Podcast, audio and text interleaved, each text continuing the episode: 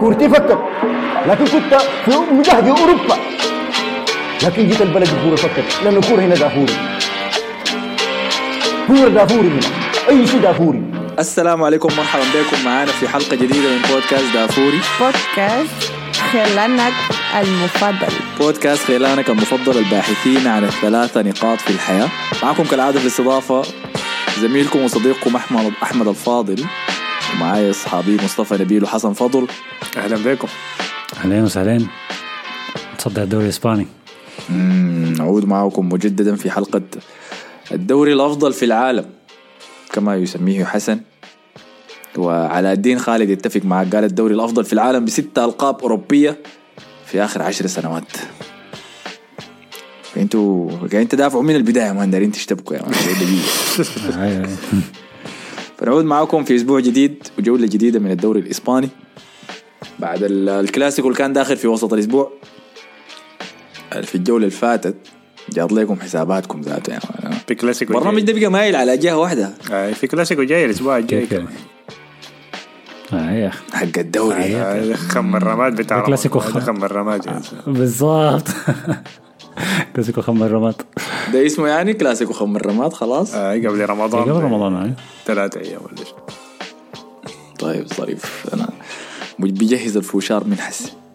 بنعود معكم في أسبوع جديد حلقة جديدة. كالعادة الإعلانات اللي بنبدأ بها في كل حلقة رقم واحد. دايرين نوصل صفحة الفيسبوك بتاعتنا ل 1000 like يا جماعة. 1000 like ما 1000 متابع. قلت لكم ما عندنا شيء قاعدين ننشره. إحنا ما ديانة إحنا بس بودكاست عادي. الله أعلم يا man. فدا منتصف الليل لسه man قربنا فضل له ساعة صدت بس. فدايرين نصل 1000 like في الفيسبوك. ده رقم واحد. رقم اثنين إذا قدرت تنزل الحلقات دي في موبايلك عشان تسمعها في أي وقت شئت وأي بمكان أي مكان كنت. فعندنا group بتاع تليجرام اسمه بودكاست دافوري تلقى الرابط بتاعه في وصف الحلقة دي.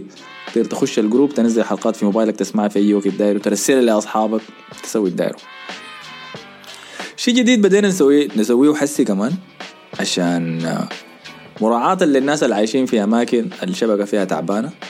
فالنسخ بتاعت الحلقة اللي بتترسل في group التليجرام حجمها دائما أصغر.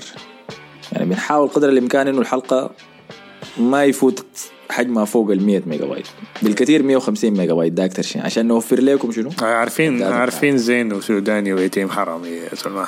وعارفين زينب وفاطمة وسارة ديل كلهم شنو؟ كل الناس دي كلها خشة في ال data آه، بتاعتك كلها لأن خشة سادة ال data.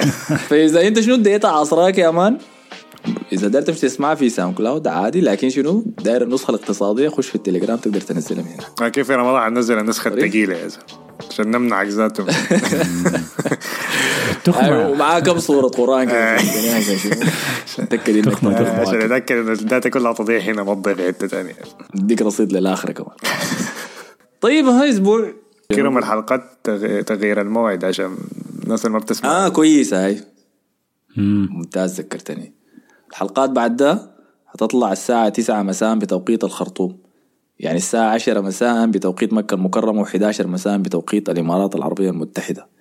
ده نسبة اللي شنو قاعدين نجهز لرمضان؟ نحن مين حس قلبنا الساعة يا مان فهمتني غيرنا مواعيدنا عشان نظبط الأمور.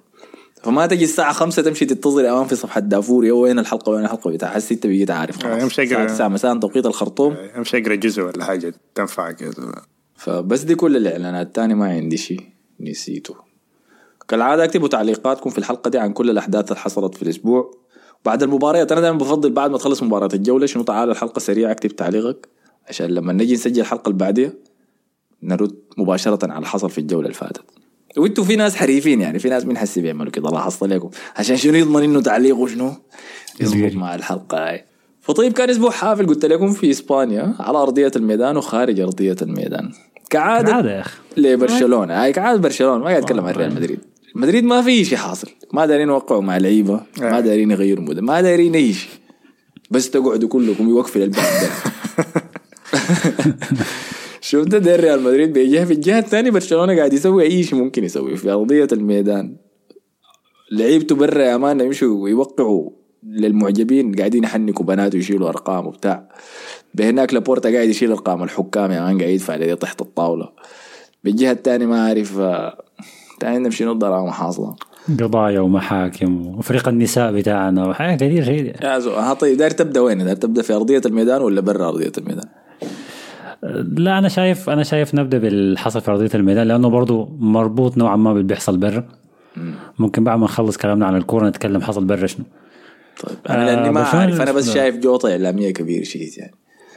كالعادة أي ما إحنا بنقولش بنقول الدوري الأفضل في العالم يعني وتباس فهم الحكاية إنه ما في فعاليات كثيرة في الدوري الاسباني فقال شنو؟ خدت شوية بهارات كده يعني. جات لنا البتاع دي كلها. ففزتوا في مباراتكم بتاعت الجولة دي؟ 1-0 صح آي. ضد أتلتيك بلباو. 1-0 ضد اتلتيك بلباو نعم. من أكثر الملاعب الصغيره في, في الدوري الإسباني ناس عارفاه كويس هو سان ماميس ملعب اتلتيك بلباو أنت بتمشي بتلعب ضد فريق آه، عبارة عن منتخب لأنه كل اللعيبة اللي بيلعبوا في بلباو بس مولودين في الأقليم. فده منتخب الباسك باختصار. أي لاعب ما لقى فرصة أساسا مع منتخب إسبانيا بيلعب هنا. فبيلعبوا دائما بضمير يعني. وبيمرقوك لازم يمرقوك أنت خسران حاجة يعني. ممكن لو ما النتيجة بتمرق ضربوا منك لاعب ولا شاكلوا مع زول. فمباراة مباراة ساماميس ما مباريات سهلة يعني. وبرشلونة دائما بيعاني ما بيفوز بس- بسهولة يعني خالص. فده كان ده كان التخوف لأنه برشلونة خش الكورة دي في غياب آه، رونالد أراوخو اللي كان مطرود الكورة اللي فاتت. فقام خدت البديل بتاعه كوندي رجعه قلب دفاع ولعب ظهير يمين بسيرجيو روبرتو. وقدام خلاص طبعا آه، ثنائية رافينيا وليفاندوفسكي ليفاندوفسكي رجع برضه من الإصابة اللي كان فيها. على إنه هيفرق يعني رجع. ومعه رافينيا وفيران توريس. ده اللي قدام الوسط طبعا هو دي يونغ بوسكيتس وجافي فدي الخطة اللي خش بيها برشلونه ما كان في يعني ما كان فيها خيارات ثانية إنه ما ما في ما في طريقة تبديل ثانية يعني برشلونة يبدأ بها الحاجة اللي أنا كنت عايز أشوفها في الكورة دي تشافي يتعامل مع مع البدايات كيف؟ يعني هل هي يدافع زي ما دافع قدام ريال مدريد ولا هو يضغط أول؟ حسيته لا بالعكس كده اللعيبة دي يتسرعوا ويتهوروا من بداية المباراة إنهم يحاولوا يجيبوا جون بدري بعد ذاك يرجعوا. ده كان الباين يعني. أسلوب أتلتيكو مدريد يعني. ليه يتسرعوا ويتهوروا ممكن يكون ده. يمكن داري يهاجم بس. لا لا في كان في كان في نوع من العشوائية وتسرع في في لمسة الكورة بتاعت اللعيبة. يعني انت عادة بتشوف بوسكيتس لما يمسك الكورة بيعاين اللعيبة الوسط اللي جنبه منه عادي بيرجع لقلب الدفاع. لكن في أول 10 دقائق من المباراة بوسكيتس طوال كورة طويلة لقدام ديونج كورة طويلة لقدام ما ما في زول بيرجع له ما ما دوروا الكورة خالص. يعني كان باين إنه داير يسجل هدف من بدري بدري شديد يعني. لكن ما ما مشت معاهم. جات أكثر من فرصة جات فرصة لليفاندوفسكي من بدري شديد.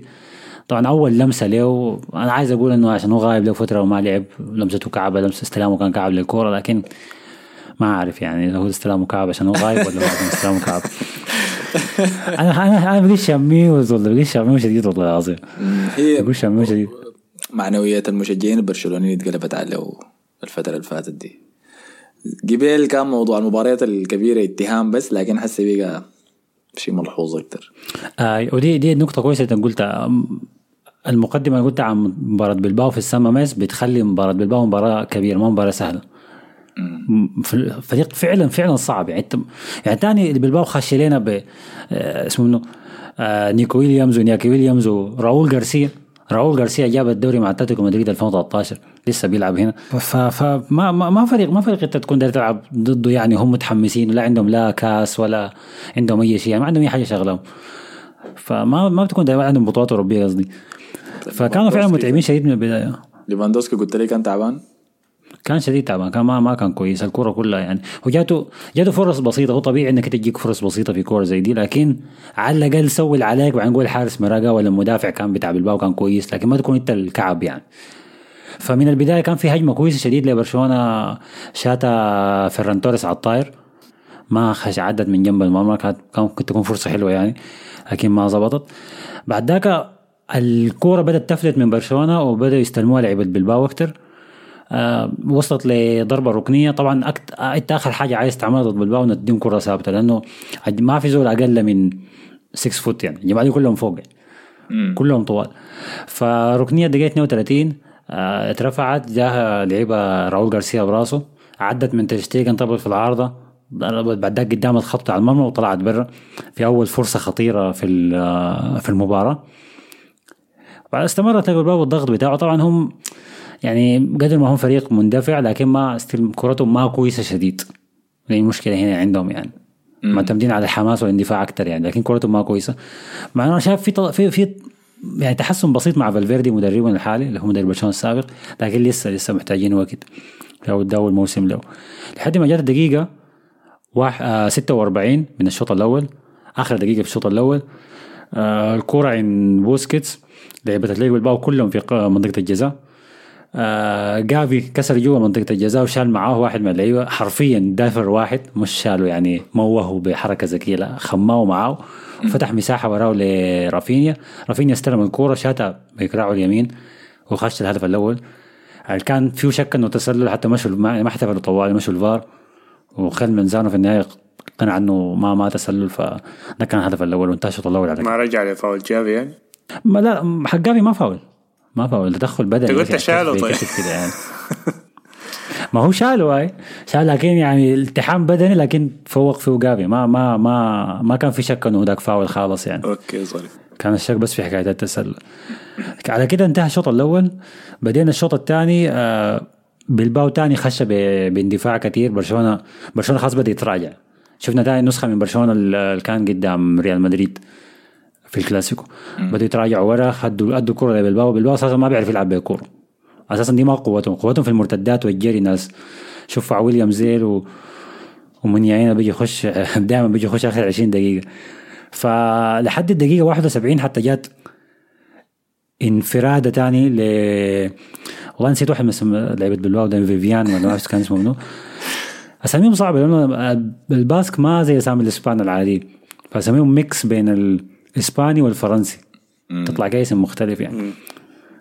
فجات هجمه بجهه الشمال انطلق فيها واحد من لعيبة آه، أتلتيك بلباو شاتها ولكن قلشت أو لمسها كريستنسن بعد ذاك تيرشتيجن بعد ذاك العارضة.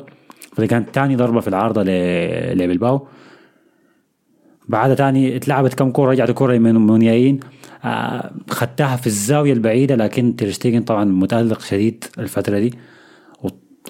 ل- لهدف محقق أنا كنت شايفه من مونياين دقيقة 78 بعد ذاك جت يمكن أهم دقيقة في المباراة كلها اللي هي الدقيقه 86 الكرة في نص الملعب بتنطط ما ما ما قدر تثبت.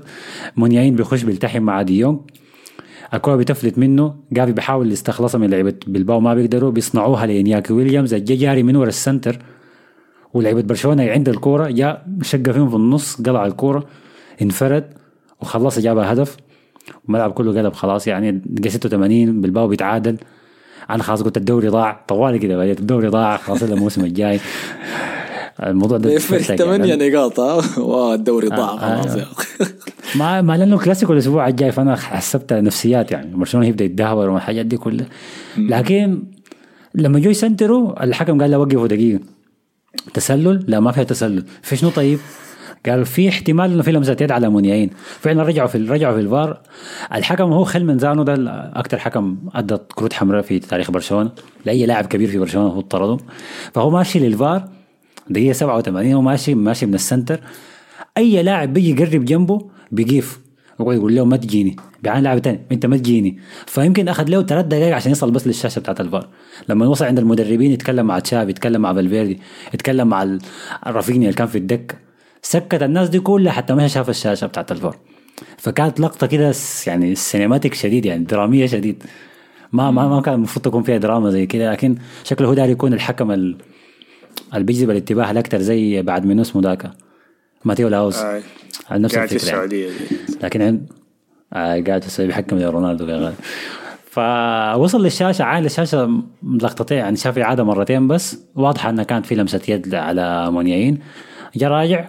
واشر قال ما هدف لمسه يد طبعا الملعب كله قلب فوق تحت جماهير بلباو بدأت تصفر في جماهير بدأت تجدع في قروش كان في يوروز كده بدأت تجدع واللعيبة كانوا زعلانين شديد شديد يعني آه لكن ده أتلتيك بلباو طبعوا عملات نقدية مزيفة ورموها على أرضية الملعب أثناء المباراة كضحكا على بالاحتجاج. اتهاماتكم بالتلاعب المالي ارتكبتوها آي. مع الحكام. ولما لما تحصل لقطة زي دي في المباراة برضو مريبة جدا بتزيد الطين يعني. بلة طبعا أي. بتزيد الطين بلة لا لكن اللقطة واضحة شديد واضحة شديد إنها لمسه يد واضحة شديد إنها لمسه يد ما ما أعتقد إنه فيها أي نقاش في الحكاية دي آه الكورة استمرت بنفس هاي دي بتحصل كتير لكن. في الدوري الإسباني إنه الكورة تكون اتلعبت كم pass كده لكن بعد ذاك في مراجعة الفار يمشوا يرجعوا للمسه يد ورا كده. هاي حصلت أيوة. مصطفى اديه الكاس بتاع مباراه اشبيليا هاي. دي الكرة ضيعت الدوري بتاع السنة اللي قبل اللي فاتت على ريال مدريد. لا في ال... ما ما قانون لمسة اليد قاعد يتغير كل موسم. هاي ما لكن لكن الموسم ده لكن رجع عليها فكرة إنه ترجع كم خطوة دي. يعني, يعني كان corner لإشبيليا يتلعب ميليتاو هبشها بيده بعدين طلعناها بنزيما وصل لحد منطقة الجزاء دخل جول. لا أو اتكسروا الحكم. يعني أخذ بلنتي. آه، أخذ بلنتي هناك الحكم حسب بلنتي لبنزيما. بعد شوي رجع الفار لقى ميليتاو لمسها بيده هناك في ال corner بتاع إشبيليا رجع أدى إشبيليا ضربة جزاء. بنالتي. يعني كده الدوري كان ضاع الكرة انتهت 2 2 كان. لا دي منطقية يلا لأنه لمسة اليد كان المفروض تتشيك مع أقرب توقف لل... للمباراة يعني. هو التوقف جا في صندوق بهناك. هاي طيب فكل اللعبة دي كانت غير قانونية. لكن حسي في لقطة زي دي ما كان في شيء يعني ما كان في ما كان في بلنتي مثلا لأتلتيك بلباو برا الصندوق ولا ما كان في بلنتي لبرشلونة مثلا برا الصندوق عشان يقوم آه، يرجع لقرار ورا للدرجة دي. فهمت هو ما ده, ده السؤال ما نجاوب عليه ده السؤال اللي قاله ذاته إرنستو فالفيردي بعد المباراة في في المقابلة الصحفية. قال قال إحنا هنرجع لحد كم يعني؟ حد كم غلطه بالضبط. يعني فكان ده سؤاله الأول. الحاجة الثانية قال إحنا هل يعني هل الحكام في الفار دي عندهم تلسكوب بيعانوا لكل غلطة صغيرة ويوقفوا عليها الكورة؟ قال كده الكورة تخسر جماليتها وما أعرف شنو. طبعا هو بيتكلم عن جمالية الكورة وبيدرب اتلتيك بالباو يعني. ما في داعي ذاته أشرح. اتلتيك بالباو بيعملوا شنو؟ المجازر اللي بيعملوها أثناء المباراة. دي عبارة عن 11 قافي في الملعب وناسي أيام. هو كان مدرب برشلونة. القرارات كيف كان؟ سبحان الله. دقيقة يعني. على فكرة. كان كان قاعد دي. ديك قاعد يعني. كان نايم كان. بيقعد في الدكة كان بينوم بس فهمت بيصحى الثلاثة نقاط قاعدة في الجيب. لكن أنا أنا أنا أنا ما بتفق معه إنه الحكم رجع بعيد لأنه الحكم ما رجع بعيد لأنه الكره لعبها مونياين للاعب وسط بلباو وذاك عمل assist لويليامز فهي كلها هجمة واحدة ما عدت 15 ثانية هل هي لمسة كانت بعيد. متعمدة طيب من مونياين؟ ما كانت متعمد هو هو متعمد يخش بكوعه عشان أوريك هو مونياين متعمد يخش بكوعه على ديونج ديونج قام رجع ورفع كراعه فجات الكرة في يد يعني جات الكرة بكوعه نزلها يعني. واضحة شديد ما دار لا ذاته نقاش. إحنا ما شفنا لو الناس سبوك في الكومنتات يا زلمة مع نفسك. أنا ما شفت اللقطة أنا خلاص متعود متعود على السب ما ما ما ما فارقة بعد ده بجد فالمهم يطلع عينه كان صح. ولا ما صح في الحالتين؟ سبوا لي حسن. أها واصل. نشوف. اتلغى الهدف استمر الضغط بتاع بتاع أتلتيك بالباو استمر الضغط شديد لحد جات الدقيقة 93 الحكم حسب أعتقد أربع دقائق وقبل الضايع إذا أنا ما غلطان أو لا. لا سبعة حسب سبعة. جات الدقيقة 93 إنياكي ويليامز شق الجهة الشمال بتاعت برشلونة اللي كان فيها ديونج و وبالدي خش بيناتهم في النص في حركة مهارية كده ما بيعملها كتير يعني. عرضها آه، شاتوها في الجون الجون كان فاضي طلعها كوندي من خط المرمى. رجعت تاني شاتوها طلعت تيرشتيجن تاني رجعت تاني في شاتوها طلعها ما أعرف منو مشت ركنية. في آخر لحظات من الكورة دي كانت كان في ضغط شديد من أتلتيك بلباو أنهم يعدلوا النتيجة لكن في النهاية دفاع برشلونة تفوق شديد يعني وطلع بفوز مهم مهم شديد. أنا شايف إنه ده الفوز ال- الفوز اللي بيحسم الدوري إن النتائج زي دي بالطريقة زي دي يعني. آه، غيرت رأيك عن رافينيا ولا لسه؟ رافينيا لازم أقول صراحة إنه حاسم شديد الفترة اللي فاتت. يعني في في ثلاثة مباريات حسمها رافينيا أهدافه منه هو بس. كلها واحد صفر كمان. ولا اثنين ح- على كده. حاليا هو أحسن لاعب في خط الهجوم بتاعنا. ما معناه هو لاعب كويس لكن هو أحسن لاعب في خط الهجوم بتاعنا. يعني أحسن من فيران توريس أحسن من ليفاندوفسكي ديمبلي مصاب طبعا وأكيد أحسن من أنسو فاتي ما ذا كلام يعني. في زول سجل أهداف أكثر منه في الدوري حسي؟ لبرشلونة؟ أي. عاد ليفاندوفسكي هاي ليفاندوفسكي مسجل أكثر منه. أي. ليفاندوسكي وصل كم حسي؟ والله ما أعرف 13 ولا كم. مسجلهم من بدري كلها كلها قبل كأس العالم. كلها ما مهمة عشان كم. لا لا هي كلها قبل كأس العالم هي مشكلة هنا يعني. آه. فهي رافينيا في ثلاثة مباريات خلصها هو لبرشلونة. أنا أنا أنا مبسوط من الثقة اللي هو فيها. لكن لسه ما عجباني الطريقة اللي بيلعب بها يعني كان لما برشلونة بدأ يدافع وحصلت هجمات مرتدة ومساحات كثيره شديد لسه بيستلم الكورة وبيخاف يجري. بيخاف يراوغ اللاعب اللي قدامه إنه لعيبه بالباو يعني ما ما لاعب ما اذكي ما يعني. لاعب برا تحسه كده ب- ما برازيلي ذاته تحسه فنزويلي كده. هاي بضاعة مغشوشة. ما عنده الصوص بتاع برازيلي البرازيليين هاي ما ما عنده أي حاجة ما عنده أي شيء. وأنا على الأقل أنت لو ما مهاري يعني في اللعيبة المهاريين اللي هو أنا بعديك بمهارة زي فينيسيوس مثلا ولا نيمار. لكن أنت تعديني بجريه بس يعني أنت أجدع الكوره سريع اللي هو عنده السرعة. انت اجدع الكوره في مساحة فاضية واجري بعدين بكتفك كده دافر معاهم بس لكن هو لا بيهدي. ما بيجري بيهدي سرعته وطبعا ما بيعرف يعدي واحد لواحد والكوره بتتقطع منه. دائما يعني. يا غطى والله يا أخي. ادونا له يا أخي ادونا له أنتوا دايرين شيلوا يا- دايرين إنه يقعد يجاري كده وبتاع. ينفعكم يا أخي. هو هو عنده مساحات يعني. هو صانع لعب. ممتاز رفيني عشان كده بيهدي اللعب. كويس؟ هو عنده المقدرة إنه يراوغ واحد على واحد. ما قاعد أشوفه كثير وبيقدر بيلعب واحد يحضن. مع برشلونة ما قاعد اشوفه دي مشكلة الثقة. دي مشكلة الثقة. دي مشكلة الثقة في النفس. لكن هو بيقدر عنده الحاجة دي كان موجودة فيه. لكن هو صانع لعب أكثر هو صانع لعب في الجناح. فهو تماما زي ديمبلي. بس يعني شكلا بيختلفوا الاثنين من بعض. لأنه ديمبلي ذاك هو الأفضل يعني في العالم عديل كده. إنه يشرطك وش لوش عديل كده. بعشوائية كده. لكن رافينيا كويس والله يا أخي. أنا أنا مع كل الانتقادات بتوجه له دائما كويس إنه لقى الفترة دي عشان يقدر يظهر فيها في الفريق بدون ما ديمبلي يكون موجود. وحسن ديمبلي. يجي راجع حيكون ده صداع. وخلاص حس يتعافى من إصابته صح؟ لسه ما ما تعرف ما حيكون صداع يعني حيدخلهم ما رجع الاثنين تدريبات. حيدخلهم الاثنين بس نفس صقع لا صداع لا حاجة. حيجوط لي دي أحسن تشكيلة اللي لقاها شافي لحد يحس بإنه ما اللعيبة التانيين الباقيين ما فعالين. فيران توريس ما ما هم فعال ثلاثة شديد بس يعني ما في. لا لا.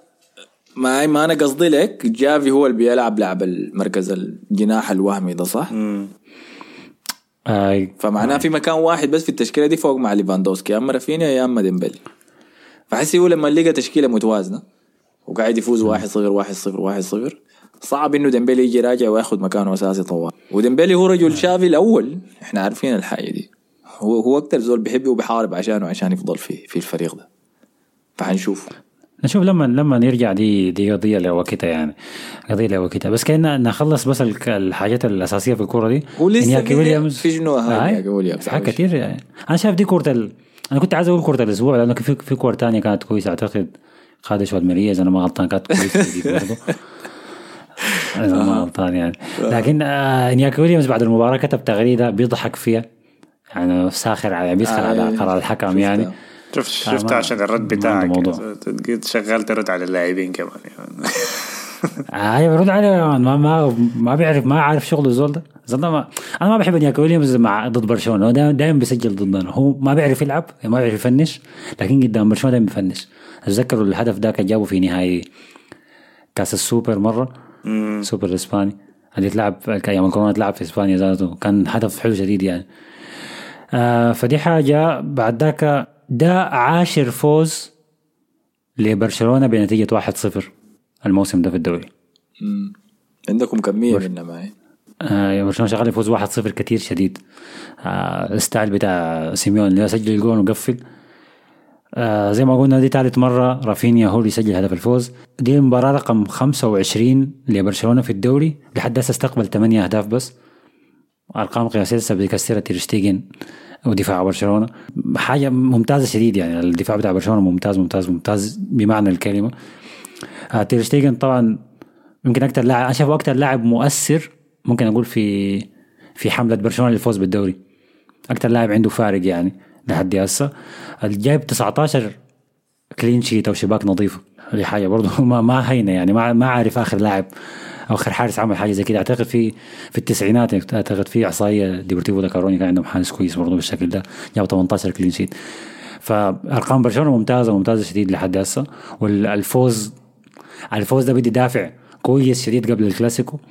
يعني التعادل في آخر دقائق لو جاء كان هي يكسر ويحبط لعيبة برشلونة قبل الكلاسيكو. هم هم أكعب حاجة فيها النفسيات. فما دام نفسياتنا كويسة ونفسيات اللعيبة كويسة فاحتمالية فوزهم بالدوري بتكبر يعني. ف بس هاي مبروك مبروك يا برشلونة. أنا شفت لما ال- الجون بتاع ويليامز ده خشة الكاميرا قامت قطعت لجافي فكان قاعد آه، ينقرض كده براه ويتباكى ومديها عليك لا لا ليه؟ خذلتونا وخذلتوا الفريق وبتاع. مركب مكانة القائد بعد ذاك لما يتحذف الجون شفته فرح يعني. اي لكن كويس. لأنه- واضح إنه أي تعادل كان حيهزكم شديد.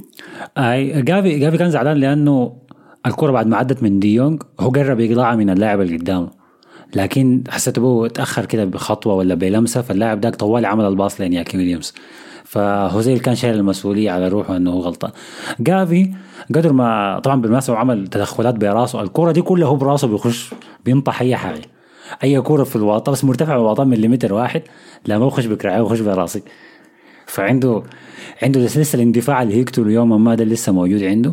لكن اللي حصل الكورة دي كان في لحظات كثيره شديد بيمرق من الضغط بلمسته النظيفة. يعني بيستلم الكورة بيكون عليه اثنين لعيبة بالباو بيقوم بخش بيناتهم وبيمرق.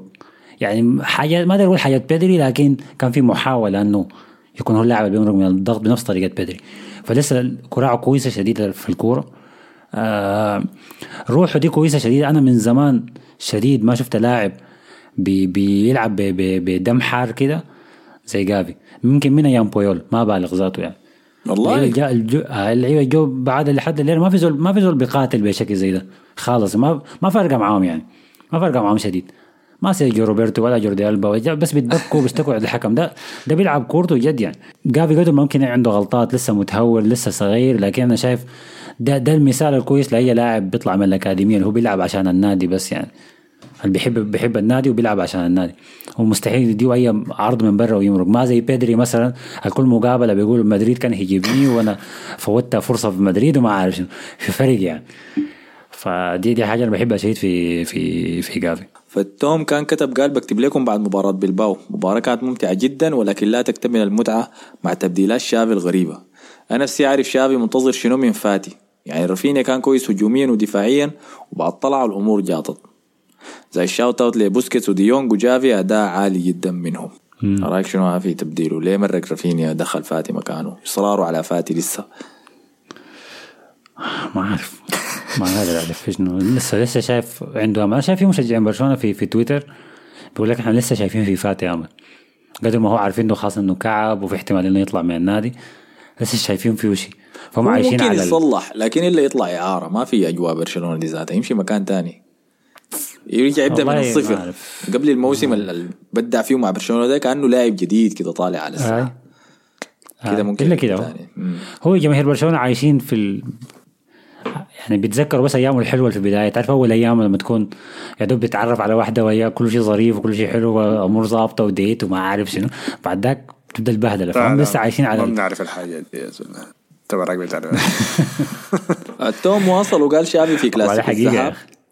في كلاسيكو الذهاب شاف لاعبين إنه محصورين ورا مع الحارس قام نزل لهم فاتي عشان يغطي المساحات الورا. ما ممكن ياخذ زول ده خلاص يشوف له حاجة تانية غير انت لكن في موضوع فاتي ده مثلا هل في لاعب قبل كده حصل يعني إنه كان موهبة شابة كده ومن بدري كده جاته إصابة وخلاص وطلع إعارة ورجع تاني ونجح يعني؟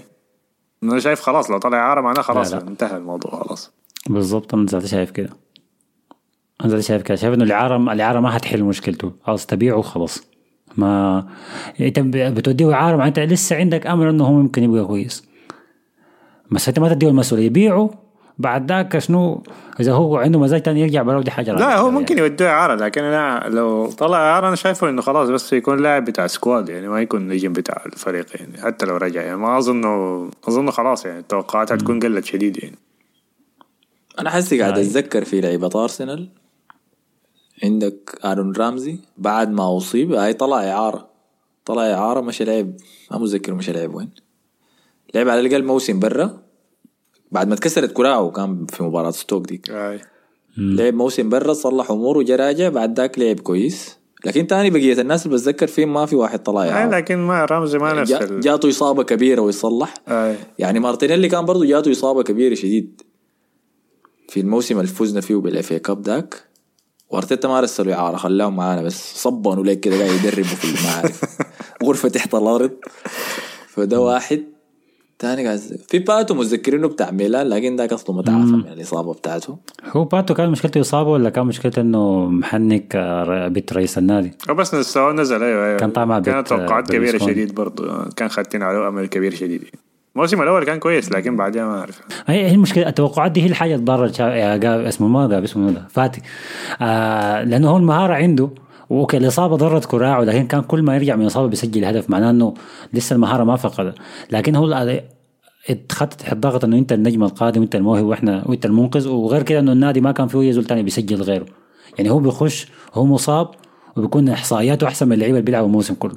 السنة اللي فاتت مثلا يعني أو حتى اللي قبلها فهي الضغط زيادة عن لازم على لاعب صغير زي آه لأنه هو ذاته بدأ لعب مع برشلونة خلاص يعني قدم مستويات كويسة فصعب إنه يطلع ويرجع مرة تانية. ده ما زي أوديجارد أصلا كان طالع إعارات إعارات إعارات بعدين لما رجع خلاص ما لقى حتة ومشى ومشى أرسنال بقى حسي أحسن يعني لكن ما نفس الحالة يعني.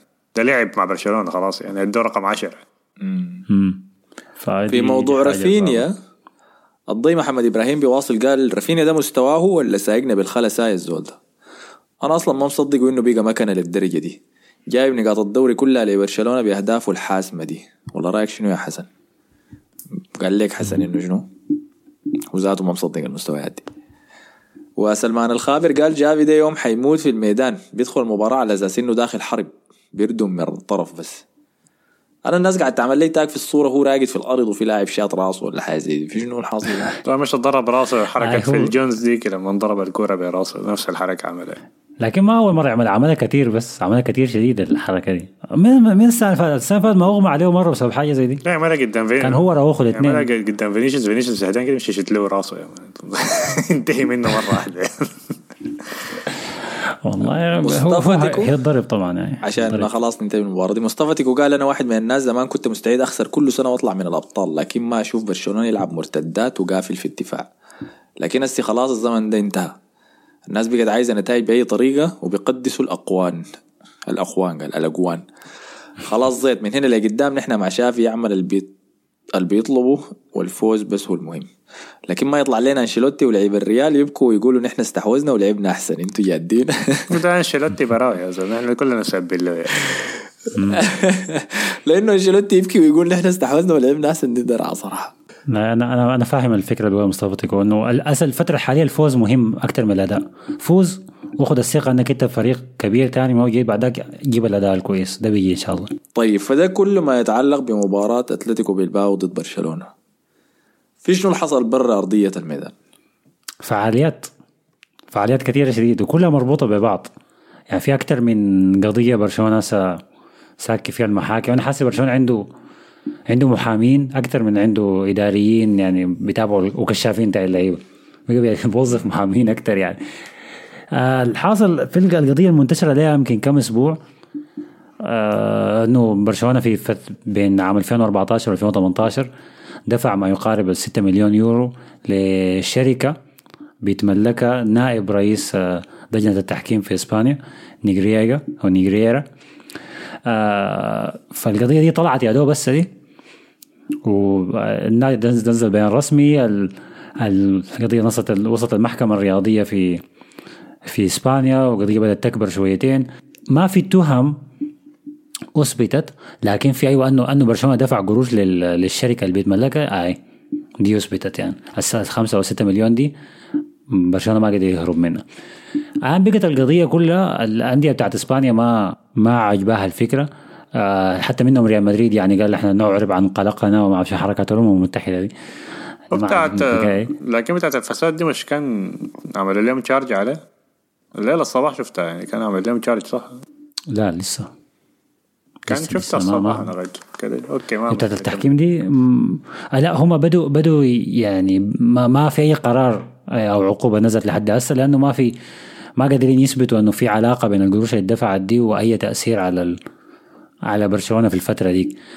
هي دي- لحد هسه هم دي واقفين فيها. هسه قاعدين ينادوا كل شوية بينادي زول إنه يلقي بأقواله. قال لك لويس إنريكي هيجي فالفيردي ذاته هيجي. آه ال- ال- القضية مشكلتها يعني مشكلتها شنو؟ إنه ما برشلونة ما قادر يثبت هو دفع القروش دي لشنو؟ ليه تدافع القروش دي لشركة بتاعت إحصائيات. وبيتملكها ري... نائب رئيس ال- الدوري okay برشلونة قال طبعا الكلام ده ما طلع من لابورتا طلع من بارتوميو اللي هو كان ماسك النادي في الفترة ديك لأنه هو المسؤول من القضية دي. قال إحنا دفعناه وكذا عشان نعرف إحصائيات أكثر إنه الحكام بيتخذوا قرارات 200 وعلى اساسها نحسس لعبنا يعني نحسن لعبنا. فده كان العذر بتاعه. ما ما شايفه عذر يعني عذر شايفه بطال شديد صراحة يعني. جاء لابورتا قال قال حاجة رقم واحد دي دي, دي غلطة الإدارة اللي فاتت. لكن حاجة رقم اثنين القضية دي اطلعت في الوقت ده هسه دي كان ممكن تطلع من زمان طلعت هسه في وقت زي ده عشان ده عشان تيباس. تيباس ما لحد هسه ما مبسوط من حكاية ال Super League. والموضوع شخصي شديد. وكلامه إنه ما يعني ما طلع القضية دي بس على برشلونة هسه طلع كمان يعني جافي العقد اللي قدمه له الأخير إنه خلاص يبقى لاعب من الفريق الأول. ده ده الليلة يمكن مصطفى انت قصده الليلة تم نقده ورجعوا جافي كلاعب للرديف فيستلم الراتب بتاعه كان بيستلمه زمان هو عمره 15 سنة. فدي يعني ودي كمان شنو؟ دي قانونها برضه تغير في آخر لحظة. يعني بعد ما جافي قدم وسجلوه في البداية قالوا لا أنتوا لازم يكون عندكم ما أعرف 200 مليون صافي مع أرباح. قام برشلونة حلاها وق- وقدم ال- الدعوة إنه خلاص إنه جافي يتم تسجيله. تم تسجيل جافي. بعد هسه دي طلع هسه دي الليلة قال إنه لا أنتوا قدمتوا الطلب لما قدمتوه قدمتوه متأخر. فإحنا الليلة هنكنسله فهو الموضوع في حرب قوية شديد داخلية حاصلة بين بين رئيس آه، رابطة الدوري الإسباني خافير تيباس وبارتميو آه، مش بارتميو استغفر الله ولابورتا. فالموضوع شخصي شديد فأي حاجة هتتمسك هتكون بالسبب ده أنا اللي شايف هي الم- هي المشكلة هنا ذاتها هنا يعني. المشكلة في في الموضوع ال super league كله. الموضوع ما ما في ما في قضايا فساد. لأنه ما في قضايا فساد. ال- الحق يتقال برشلونة في الفترة ديك زيه زي أي نادي في الدوري الإسباني تضرر من التحكيم. موسم 2000 آه، 2016 2017 برشلونة خسر الدوري بسبب قرارات تحكيمية. قرارات تحكيم كرة بيتيس كرة ملقا كرة فياريال. لمسات يد كور بتعدي الخط حاجات كده كانت كعبة شديد. يعني لو كان برشلونة دفع قروش للتحكيم على أساس يستفيد منها يعني كان أخذ الدوري السنة ديك لكن له تضرر منها من القرارات التحكيمية زي أي نادي تاني يتضرر لأنه التحكيم كعب شديد في إسبانيا. فأنا بتفهم ليه الناس بت بتشوف إنه برشلونة فريق حكام لأنه القضية فعلا شينة. لكن القضية ما ما دي ما, ما فادت برشلونة بأي شيء يعني خالص. برشلونة ما استفاد منها أي شيء. يمكن كان في قرارات مريبة شوية. عجيبه هادينا الأربع بلنتيات اللي كانت ضد اشبيليا ديك يا مان هي هبشة كانت. قلبه لما يزحلق براوي يا مان. آي؟ آي دي كانت كان قرار كعب من الحكم. لأن الحكم كعب شديد بس ما ما ما أدري لأي تفسير ثاني لو كان لو يعني أنا لو دافع قروش عشان الحكام يساعدوني كان برشلونة استفاد من التحكيم لكن هو ذاته تضرر يعني في كرة بتاعت بيتيس 2016 2017 الكرة مرفوعة عرضية المدافع قلب نيمار جاء اللاعب اللي ورا نيمار أعتقد كان أندري جوميز ولا ما أعرف اسمه شاتها خشت جوا المدافع بتاع بيتيس مرقة من ورا خط المرمى. واضحة شيء إنها عدت لأنه اللاعب والكورة كلهم ورا الخط. الحكم ما حسب آه، هدف. في كورة بتاعت آه، فياريال آه، راؤول ألبيول واقع في الواطة هو واقع مد يده وثبت الكورة بيده بتاعت ميسي. ما اتحسبت بلنتي. وفي كوره ملقا ذهاب وإياب برشلونة برضه اتحرم من بلنتيات واهداف واضحة شديد يعني وضوح الشمس. ف ما أنا ما ما متفق مع الكلام اللي بيقول إنه برشلونة يعني شنو؟ خالص. يعني بكلامك ده إنه إحنا دفعنا قروش لحكام لكن هم اتخذوا قرارات تساعدنا إحنا. إحنا دفعنا قروش ل- ل- لشركة بتاعت إحصائيات بيملكها نائب رئيس اتحاد التحكيم أي. لكن ما في أي شيء بيثبت إنه القروش اتدفعت عشان برشلونة يستفيد من التحكيم. أيوه. ما في شيء بيثبت. هي دي دي القضية هنا. لو في شيء بيثبت أنا بقول لك خلاص النا- نادي بتاع تحكيم. لكن ما في أي شيء بيثبت. في الحالتين حتى لو حتى, يعني. حتى لو لقوا حاجات أصلا ما حيعملوا شنو حيغرموهم بس وحيوقفوهم انتقالات نافذتين انتقالات وخلاص يعني ما, ما حينزلهم الدرجه آه، يستحيل. هو نف... لا لا لا أيوه ما ما في آه، الكلام اللي سمعته إنه ما في عقوبة رياضية يعني هتكون عقوبة مالية بس. لكن ما في ما في عقوبة بتاعت خصم نقاط ما في عقوبة بتاعت درجه ثانية. هتكون عقوبة مالية إنه أنت اسمه تضارب مصالح. أنت المفروض ما تدفع قروش لزول أنت. ممكن بشكل ما أو بشكل آخر تستفيد منه ضمن اتحاد الدوري الاسباني هو المفروض ذاته رئيس ال... المفروض رئيس نائب رئيس الاتحاد التحكيم ما يكون عنده شركة بتتعامل مع اي نادي تاني. برشلونة ما النادي الوحيد اللي دفع له قروش لكن هو أكثر نادي دفع بس. في نادي تاني دفعت له وانتوا ليه أكتر نادي دفعت له ما أيوه دي دي دي نقطة كويسة شديد لأنه زفت الطين بارتوميو الرئيس السابق ده كان كان عنده مصالح آه، معينة. هو عايز عايز النادي ينجح ماليا بس ما همه ينجح رياضيا. فهو داير يستعمل إحصائيات على أساس يتفادى أخطاء معينة عشان النادي يجيب بطولات لكن ما يلعب كورة صح. نفسه بارتوميو ده هو نفسه اللي دفع قروش لشركات بتاعت آه، التواصل الاجتماعي ال social media عشان تشوه عشان تهاجم اللعيبة.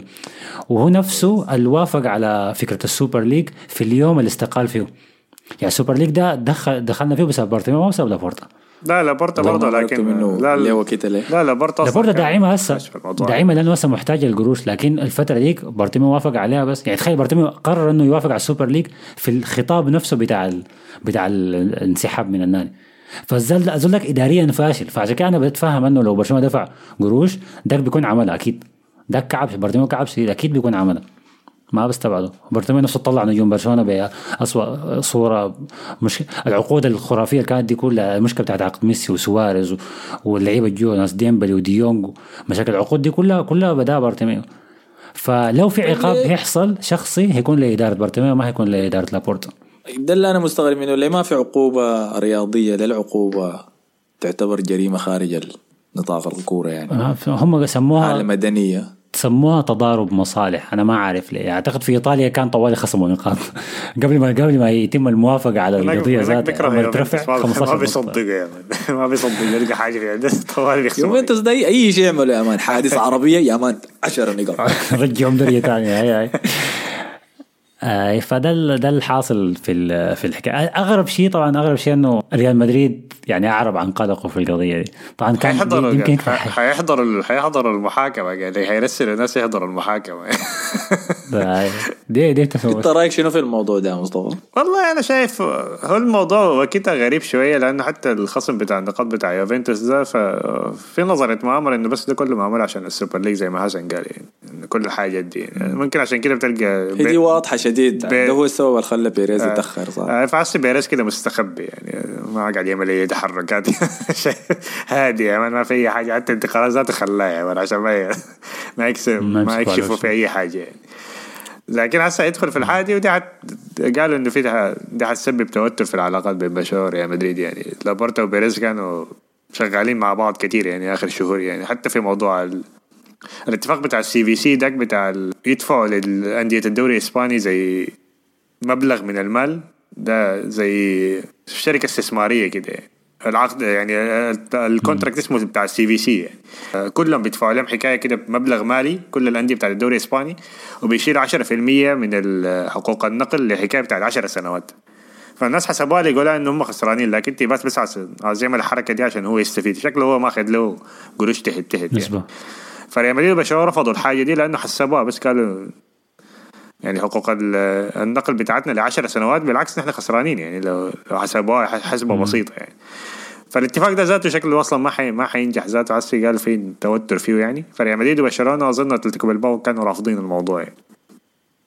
فدي واحدة برضه من الأسباب قبل ال super league ما يجي كان في توتر أصلا. فالاثنين ريال مدريد وبرشلونه أصلا الاثنين بيكرهوا تيباس يعني واضح يعني. لأنه أصلا الزول ما شايف شغله ذاته. يعني فحسي حنشوف حيحصل. شنو بعد ما تحصل القضية دي. آه طبعا الحاجة الحاجة أنا شايفها المشكلة بتاعت ال- القضية بتاعت برشلونة دي إنه حتى لو برشلونة طلع منها بريء خلاص كسمعة يتضرر منها. يعني ما في أي كلام. ما هي ما هي تعافى منها يعني خالص. يبقى أي قرار تحكيمي هي- يصب لمصلحة برشلونة طوال حتيجي السيرة دي. فدي برشلونة خلاص تضرر منها ط- لمدة طويلة شديد يعني ما هي تصلح أنا ما شايف إنه كنا محتاجين التهمة دي أصلا. عشان نقتنع بالحاجة إحنا من زمان مقتنعين.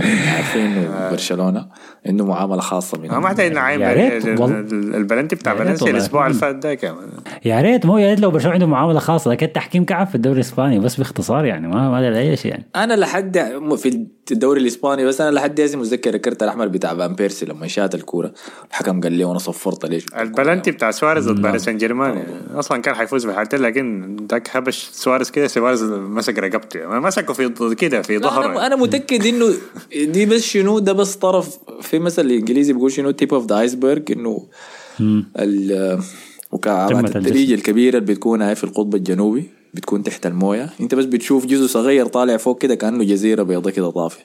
بينما تحت الموية يا مان هو كده قارة عديل كده يا man من شدة ما حجمه كبير. فأنا متأكد إنه بس الظهر الفوق من تعاملات برشلونة الفاز الباقي يا man كله منفوخ تحت. لا دي دي قضية ثانية دي قضية ثانية انت يا مصطفى طيب داير داير بيريز يسوي شنو؟ داير يتابع الموضوع ده؟ أنا ما أعرف بيريز هدفه شنو لكن أنا؟ أنا عموما؟ يعني أنا عموما يعني موضوع إنه برشلونة ينزل الدرجة الثانية ده ده حي- حيخرب الدوري كله يعني حيخرب الدوري لسنوات كثيره قدام. فمن منظور كده بتاع إنه الدوري يكون تنافسي لكن كمشجع مدريد إن شاء الله يرموهم الدرجة الرابعة. يعني ما ما شغال بهم. لكن أنا ما فاهم بيريز هو عاوز شنو بالضبط يعني.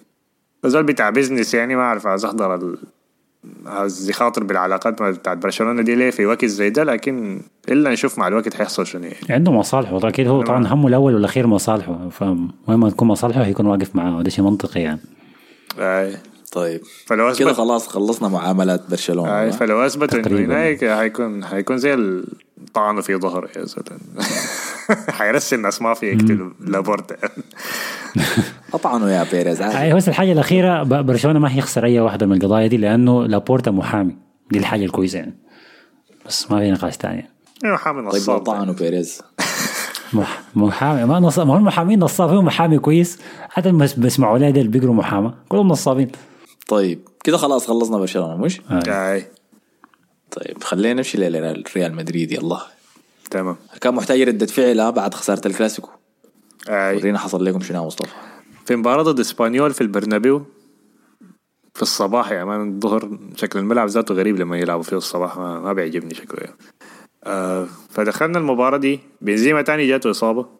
ما كانت إصابة قال أنشيلوتي ما لعب بس احتياطا يعني عشان يكون جاهز لمباراة ليفربول. آه فلعبنا بين رودريجو فالفيردي فينيسيوس في ال- الثلاثة اللي قدام. في النص كان كروس ومودريتش وكان معاهم تشوميني كامافينجا لعب ظهير. آه ناتشو دخل دفاع. رودريجو آه روديجر كان احتياط. ميليتاو لعب وكربخال لعب وكورتو طبعا في الحراسة. آه أول عشر دقائق كنا قدمنا أداء مقزز جدا صراحة حتى دفاعيا صراحة. كان كان أداء مقرف أول عشر دقائق يعني. لدرجة إن إسبانيول كان عندهم ثلاث فرص تقريبا أو فرصتين محققات للتسجيل. تاني دقيقة أسطورة برشلونة بريثويد. لأن أصلا ما كنت عارف ذاته إنه قاعد في إسبانيول. جاته فرصة الجول. المنكش ده. آه. جاته فرصة هو كورتوا لكن ميليتاو اللي بيقدم واحد يعني مستويات عالمية شديدة يعني من بعد كأس العالم. آه الزحلق وشال الكرة منه طلعت آه corner. تقريبا بعد عشر دقائق تقدم آه، إسبانيول عن هدف بهدف أول. بعد دفاع كعب شديد يعني. أول حاجة كان كورة ملعوبة من فوق. كامافينجا حسبها غلط فال... فالظهير شالها ووصل بها لحد منطقة الجزاء. بعدين لعبها لخوسيلو هو لاعب ريال مدريد السابق. دخل منها جول. خوسيلو ده بيدخل في ريال مدريد برشلونة دايما ما أعرف ليه. والمشكلة الغريبة انه هو خريج بتاع كلمة ريال مدريد والنهاية بتاع الباريس ضد ليفربول بتاع السنة اللي فاتت كان قاعد في باريس مان كان قاعد هو وأبوه لابس قميص ريال مدريد وبيحتفل مان دي المظاهرات الغريبة يعني. لكن بعد الجول ده الفريق صح صح. آه كامافينجا كان عنده طبعا عنده عنده لمسات أنا حاسيه بيجا يعني هو من أحسن اللاعبين المستوى بعد كأس العالم لكن عنده لمسات سسبكت يعني ليفربول كان لمس كان عنده كم باص غلط كده في بدايه المباراة. لكن أظن في أول 30 ثانية يعني لما كان باص الزحلق وخسر الكورة لكن كوركي طبعا حبيبنا كوركي برضه الزحلق منطقه الجزاء برضه ضيع في مباراه برشلونة هو سبب في الجول الأول مع إنه قدم مباراة كويسة لكن الكرة اتقطعت منه في نص الملعب فمرات بيسرح يعني. هنا طبعا الجول ده كان بغرضه غلطه عشان ما كان حسبها غلط لكن ممكن الواحد يمشيها لأنه أصلا ما مركزه ظهير. آه لكن فائدته كظهير إنه بيعمل آه، مساندة هجومية. ممكن أحسن ظهير عندنا بيعمل حاجة مساندة حتى أحسن من ألابا ذاته هجوميا. لأنه في لقطة الهدف بتاع التعادل بتاع فينيسيوس أخيرا يعني عمل overlap من وراء فينيسيوس. دي حاجة أصلا ما بنشوفها كتير. لأنه مندي ما بيعملها. حتى ألابا ذاته عشان بقى كبير ما بقى ما يعملها وبقى متعود إنه يلعب center back آه كامافينجا جرى من ورا فينيسيوس عمل overlap سحب واحد من المدافعين. بعد كده خلى ان فينيسيوس يدخل منطقة الجزاء. بعدين يركنها برجله اليمين يدخل منها جول. أول جول ممتاز. جميل يعني. مم. بعدها تقريبا أظن بعد 30 ثانية بس فينيسيوس أخذ له إنذار. يا man كسر له واحد كان راجع يضغط كده ضرب أول كسرة له يا man الحكم طوال طلع له إنذار يا man. فبدا الزهج بتاعه السب بتاعه. لكن بعد السب ده ما أعرف كروس مش اتكلم معه قال له حاجة في اذانه كده بعدين المباراه كلها زول ده بيترجم ما بيتكلم ذاته. ما أعرف قال له شنو ولا خوف ولا عمل له شنو يعني. فقدم بعدها كان زلمة نتكلم ده. بعدين كان الحكم ذاته هادي. الحكم ذاته كورك في فينيسيوس. قال له قال له لو لو احتجيت تاني ه- هطلعك برا. مش قال لي هطردك قال لي هطلعك برا. حتى في الشوط الثاني ما كان قاعد يشرب موية ولا شنو مش قال له اطلع برا اشرب موية. قال له أنت قاعد تشرب لكن عموما بعديها آه، جاء الهدف الثاني عن طريق ميليتاو. بكرة ممتازة كان من تشوميني بباطن القدم اللي ال pass بتاع مودريتش. القناة حتى بعد المباراة سألوه قال له أنا قاعد في التدريبات بعاين لمودريتش هو بيعملها فتعلمتها منه. فلعبها ظريفة لميليتاو دخل منها جول الجول الثاني. آه بعدها كده معظم المباراة كان دي انتهى عليه الشوط الأول يعني. معظم الشوط الثاني كان مسيطرة لريال مدريد. فرص ضايعة.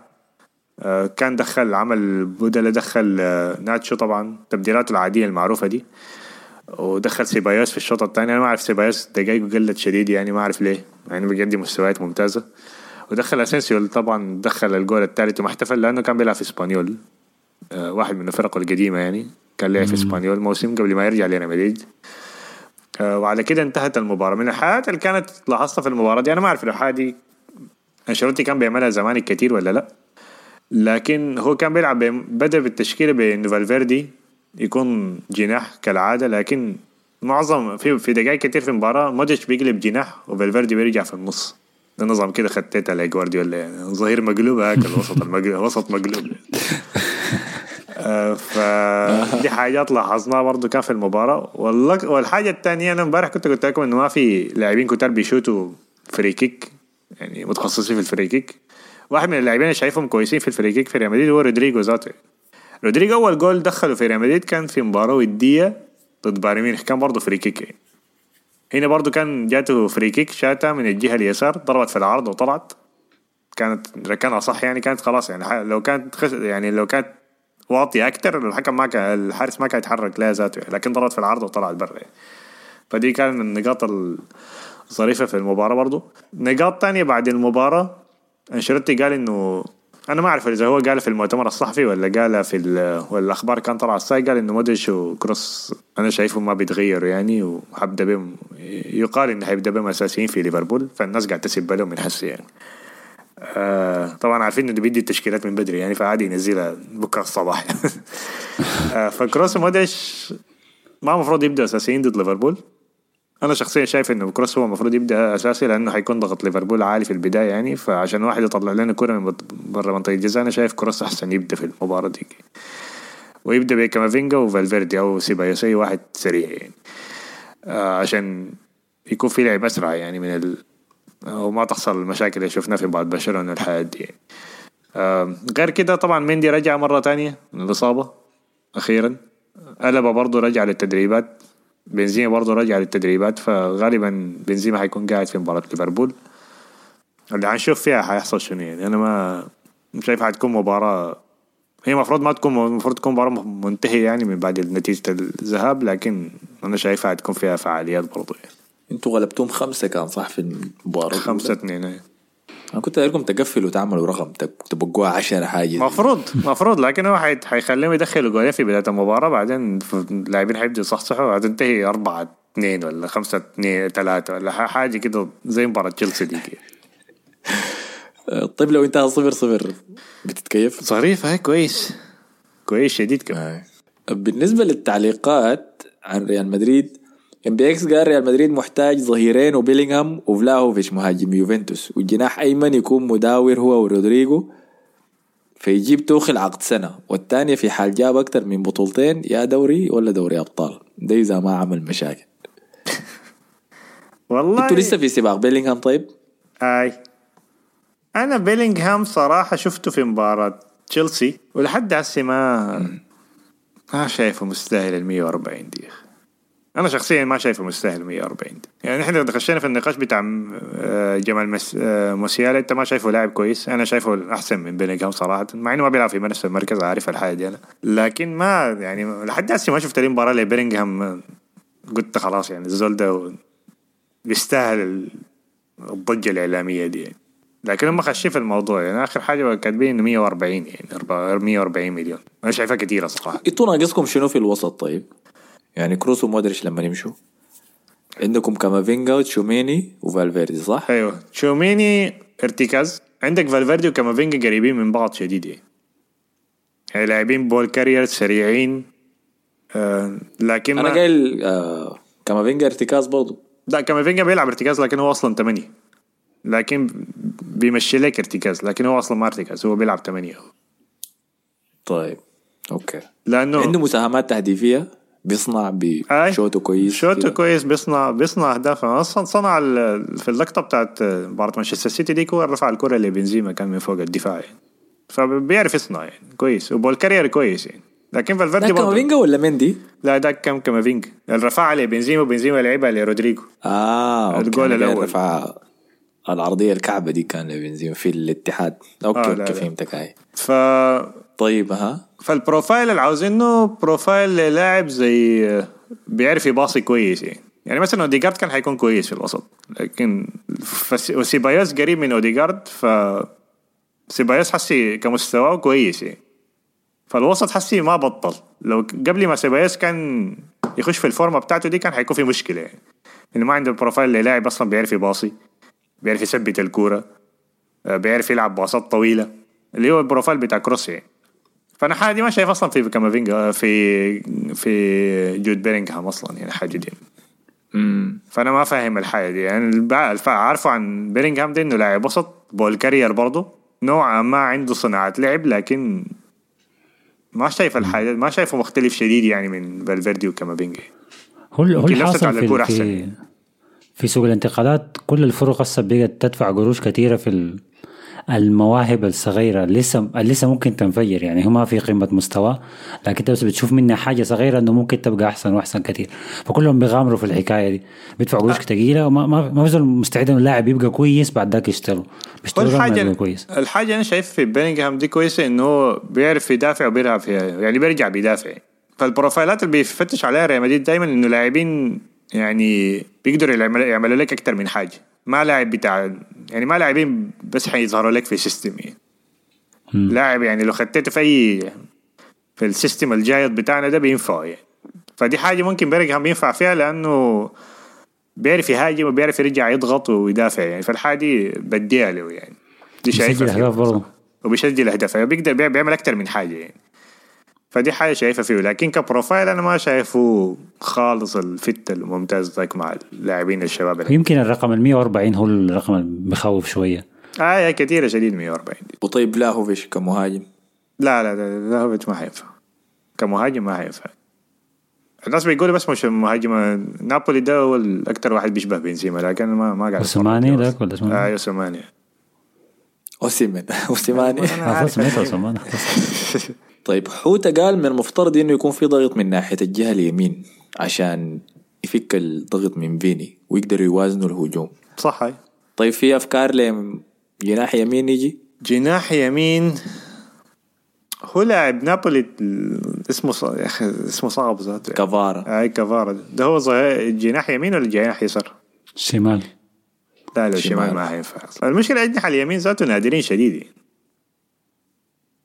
يعني. لما أفكر منه صلاح كبير أصلا ما ما حد ما حتجيب لاعب عمره 30 سنة. أوعى تقول الاسم ولا أنا قاعد أفكر فيه اوعى أوعى. فطه بس امشي اللي بعديه ساكا ساكا ما حيطلع هسه. ما هو فطه ساكا ما حيطلع من أرسنال يا لا لا ما حيطلع من أرسنال. ف... ف... ف... ففي ندرة في الحاجة دي. يعني أنا هو دائما حيكون خيار؟ آه. صن سون برضه كبير لكن. أنتوا ما بتجيبوا لاعب فوق شنو لا لا 29 بيريز ده يعني بتاع. شفة. شديد جناح يمين صغير. قلت لك في ندرة في آه. الاجنحه اليمين معظم الأجنحة الكويسين شمال كلهم يعني. اسمع مصطفى إحنا نديكم رافينيا وإحنا نقعد بديمبلي وكذا شنو ممكن حلينا المشكلة دي. خرافين يا أخي. يا أخي لا رودريجو هذا- طيب عندي رودريجو أنا طيب. أنا شايف رودريجو كويس لكن رودريجو ممكن آه، مركز أحسن مركز ده ممكن يلعب 10 أو تحت ال هاي ما لا هو جناح يسار لكن ما جناح يمين. هو حسي مضطر إنه يلعب جناح يمين لأنه فينيسيوس قاعد يعني. لكن لما يلعب جناح شمال بالعكس كويس شديد. طيب الدومس سوراس قال أنا أتوقع فوز ريال مدريد في الكلاسيكو الليغا الجاي ده. قال لكم ده توقعي قبل كلاسيكو الكاس ذاته. حسي قاعد أوريكم. والله يا أخي ممكن. فيات واحد أول حق. الليغا ولا حق لا بتاع الليغا أيوه. دوري. ده اليوم ده الأسبوع الجاي. صح؟ آه ده الأسبوع الجاي. ذاك آه بدايه شهر أربعة الثاني ذاك. بتاع الكاس طيب. أسبوع طيب هناخذ توقعاتكم قبل ما نقفل الحلقة. أنا أتوقع إنه مين أنا المفضل شايفها تعادل. يعني أوكي أنا شايف برشلونة يفوز. شايف برشلونة يفوز بالكلاسيكو. وخلاص دي يعني ال- الفرصة إنه رسميا برشلونة يفوز بال- بالدوري. يعني كل شيء كل شيء ماشي في طريق إنه برشلونة يفوز. ما في حاجة بدون إنه ما يفوز. خالص. آه، الحاجة ال- ال- ال- ده, ده متوقعه. لكن لو فكرت بأسوأ حاجة ممكن تحصل يعني لو ريال مدريد فاز عنده امل في الدوري. ليه؟ لأنه هيكون مش بس برشلونة خسر ثلاث نقاط والريال كسب ثلاث نقاط كده يكون الريال فاز في الذهاب والإياب. فحتى لو يتعادلوا في النقاط قدام الريال هو اللي هياخذ الدوري ما برشلونه بسبب المواجهات المباشرة. فدي من صالح الريال من صالح الريال إنه يعني على الأقل لو ما فاز يتعادل لأنه برضه دي من صالحه. فهي دي بس دي بتديه أمل. لو ريال فاز هيكون عنده نوع من الأمل إنه ست نقاط بس فيعني مباراتين برشلونة يتعثر والدوري للريال. لكن أنا متوقع أتوقع إنه برشلونة يفوز أنت يا مصطفى ليه قلت تعادل؟ لأنه آه أول حاجة بعد مباراة ليفربول أنا متوقع مباراه ليفربول حتستنفذ أكثر من اللازم من من اللاعبين. أنا والله ما فاهم. يعني دي مباراة المفروض تكون يا man بس انت, رسميات. أنت ما عارف أنت ما عارف إن الموسم. أنت ما عارف إن الموسم ده لحد هسه copy paste من الموسم بتاع أنشيلوتي الثاني لأنه في في الحتة يعني مباراة الذهاب ضد الكلاسيك فزنا 3-1 بعد كده خسرنا الدوري. دوري الأبطال آه انت يا دوري الست انت شايف دي زي مباراة الشالكه دي آه مباراة الشالكة ديك الواحد صفر فزنا فيها بعدين رونالدو طلعنا بطلع الروح يا من مودريتش رجع من الإصابة في المباراة ديك بعدين لعب له باص غلط كمان لساني كان. دي كان مباراة شديدة أنا متذكرها. آه، ثاني ركب فيكم ركب في كاسياس جون في التسعين. أي. هم طلار شات شوطه كده يا من سرخت نار دقت العراضه فوق وخشت جوا دي كان مباراة نار نار نار. كان ما رونالدو ما كنتوا مشيتوا وبعد ذاك بعديها منو مركم؟ يوفنتوس صح؟ اي بعدين وصلنا نصف النهائي بعدين طلعنا من يوفنتوس. مرات الع- العلامات طب ال- الموسم ده يا مصطفى ريال وتع... ريال وبرشلونة تعادلوا في كلاسيكو الإياب مش؟ لا لا خسرنا. لعبنا كويس خسرنا بعدين 2 1 الريال فاز في ال- في الكلاسيكو الأول 3 1 خسر الثاني. اي الثاني ده كمان لعبنا كويس شديد. ده الجول بتاع بنزيما لعب كعب لرونالدو بعدين دخل منا جول. بعدين ضيعنا في الشوط الثاني كم فرص ضيعنا فرص كثيره بعدين في الشوط الثاني خسرنا بس. زي كل مرة يعني بنلعب كويس بعدين بتضيع فرص هي الحاجة الحاجة الكعبة في اللي برشلونة في الكورة في الكورة دي انه برشلونة تسجل له التهديف كعب هو بيفوز 1-0 بس. ف يعني بيعاني عشان يسجل أهداف بيدافع كويس لكن بيعاني عشان يسجل أهداف وسجل ريال مدريد في ما. بيتلقى أهداف سجل ريال مدريد في الكامب نو كويس شديد يعني آخر مرة خسرنا آه. هناك كان الأربعة بتاعت لوبيتيجي ديك اللي اتطرد بعدها دي آخر مرة خسر خمسة كانت آه معناه شنو؟ سجل زيدان في الكامب نو كويس آه. كارلو عمل شنو هناك؟ آه لا هو هناك هم ال...